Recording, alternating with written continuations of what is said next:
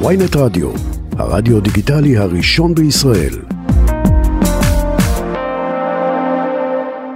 שמחים לומר שלום למומחית לאירופה, המחלקה לשפות זרות, אוניברסיטת תל אביב, דוקטור אסתר לופטין, שלום לך. שלום לכם.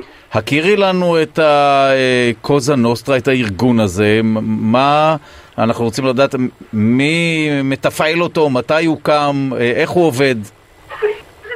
תראה, צריך להבין בעצם שכל המושג מה זה מאפיה, מאפיה איטלקית, במקור היה לזה קונוטציה מאוד חיובית. זה משהו שהוא קם בימי הביניים, והמטרה הייתה בעצם להגן על הלנדזורץ, למעשה בעלי הרכוש, בעלי הקרקעות, האנשים העשירים באיטליה, והם היו בעיקרון מדברים קטנים פרטיים שנועדו בעצם לעזור לאנשים העשירים ביותר. למה? כי החוק בשאלה... לא עזר להם? זאת אומרת, לא היה לא, שיטור של לא, המדינה? לא, צריך לזכור גם שאיטליה, גם באותה תקופה, מדובר על ערי מדינה, היה את הרפובליקה של פיזה, הרפובליקה של אה, וניס, אה, בעצם איטליה הייתה מחולקת לערי מדינות. אה, זה לא הייתה, היא רק אוחדה בעצם בסוף המאה ה-19. אה, קודם לכן בעצם הייתה... אה, אה, היו הרי מדינות. אה, רגע, את, את לא רגע מקוטעת, חבל, אנחנו מפסידים משפטים חשובים. יש שם איזושהי בעיית קליטה או משהו כזה, תוכלי איכשהו להתייצב במקום אחד? כן, כן, אתה שומע אותי עכשיו? שומעים, טוב, אם יהיו עוד קיטועים, ננסה לשפר. כן. אוקיי, אז בעיקרון צריך להבין שמה שקרה באותה תקופה הם בעצם נועדו לשמור על בעלי הקרקעות והאנשים העשירים. אה, באיטליה בין היתר. בשלב יותר מאוחר, מה שקרה במהלך המאה ה-18, המאה ה-19, אה, בעצם נולד, אה, נולדה המאפיה האיטלקית, שהכוונה היא בעצם אותם אנשים ניצלו לרעה את כוחם ומעמדם והתחילו לסחוט בעצם את בעלי הקרקעות, את האנשים העשירים ביותר. Mm. אה, ושם זה בעצם התחיל.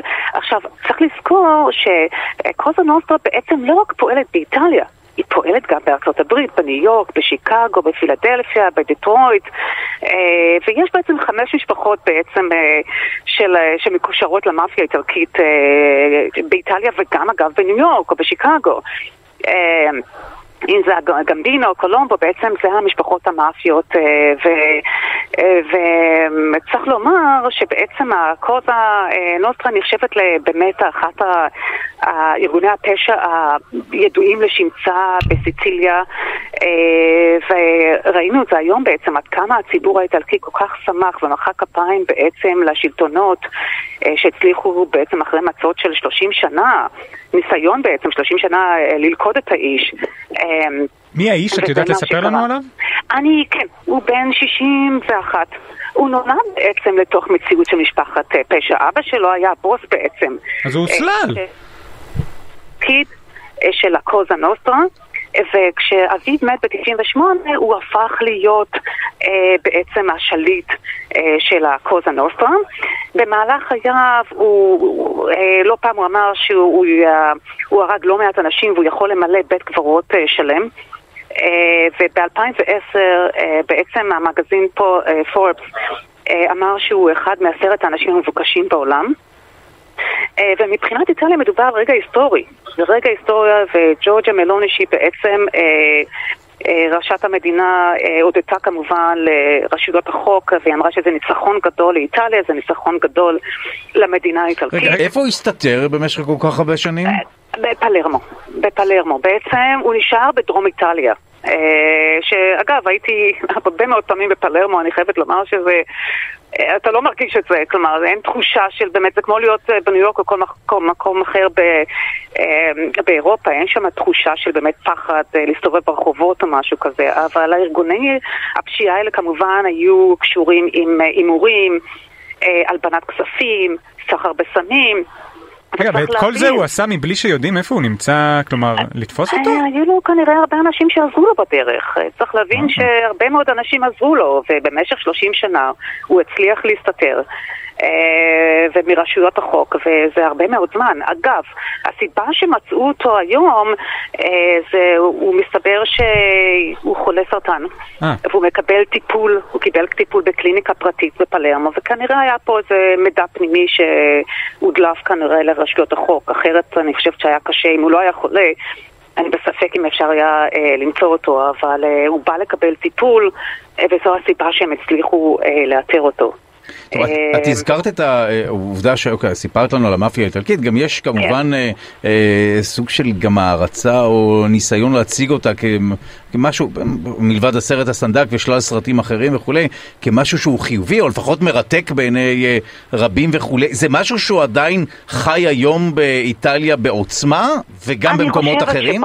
אני חושבת שפחות. אני. אוקיי. אני חושבת שבמקור, כמו שאמרתי, היה לזה באמת...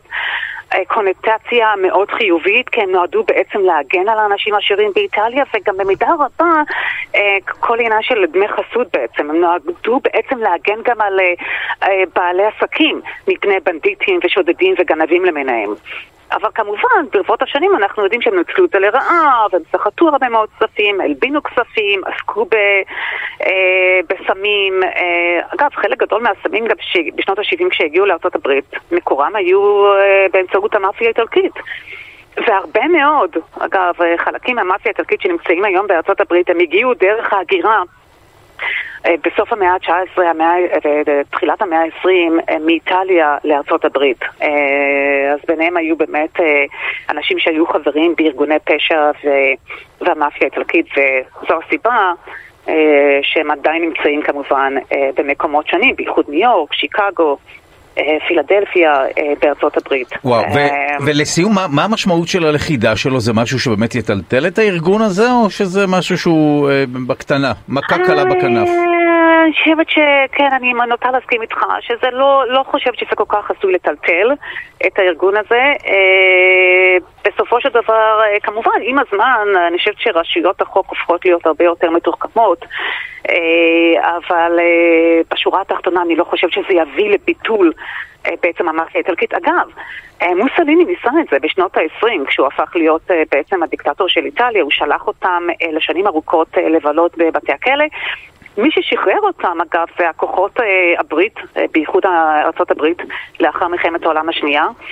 אה, בסוף המלחמה, אבל לכן כל ניסיון באמת לחסל אותם בסופו של דבר הוא לא עבר בהצלחה והם עדיין קיימים כבר הרבה מאוד שנים, מאות בשנים וסביר להניח שכן, מדובר כמובן ניצחון באמת מרשים של רשויות החוק האיטלקיות, אבל בשורה התחתונה אני לא חושבת שזה יביא לחיסולה של המאפיה האיטלקית. כל הכבוד לשר לביטחון לאומי באיטליה. בהחלט. אוקיי. בהחלט. תודה רבה, דוקטור אסתר לופטין, מומחית לאירופה, מחלקה לשפות זרות, אוניברסיטת תל אביב. שוב היה תענוג, תודה רבה. תודה רבה לכם.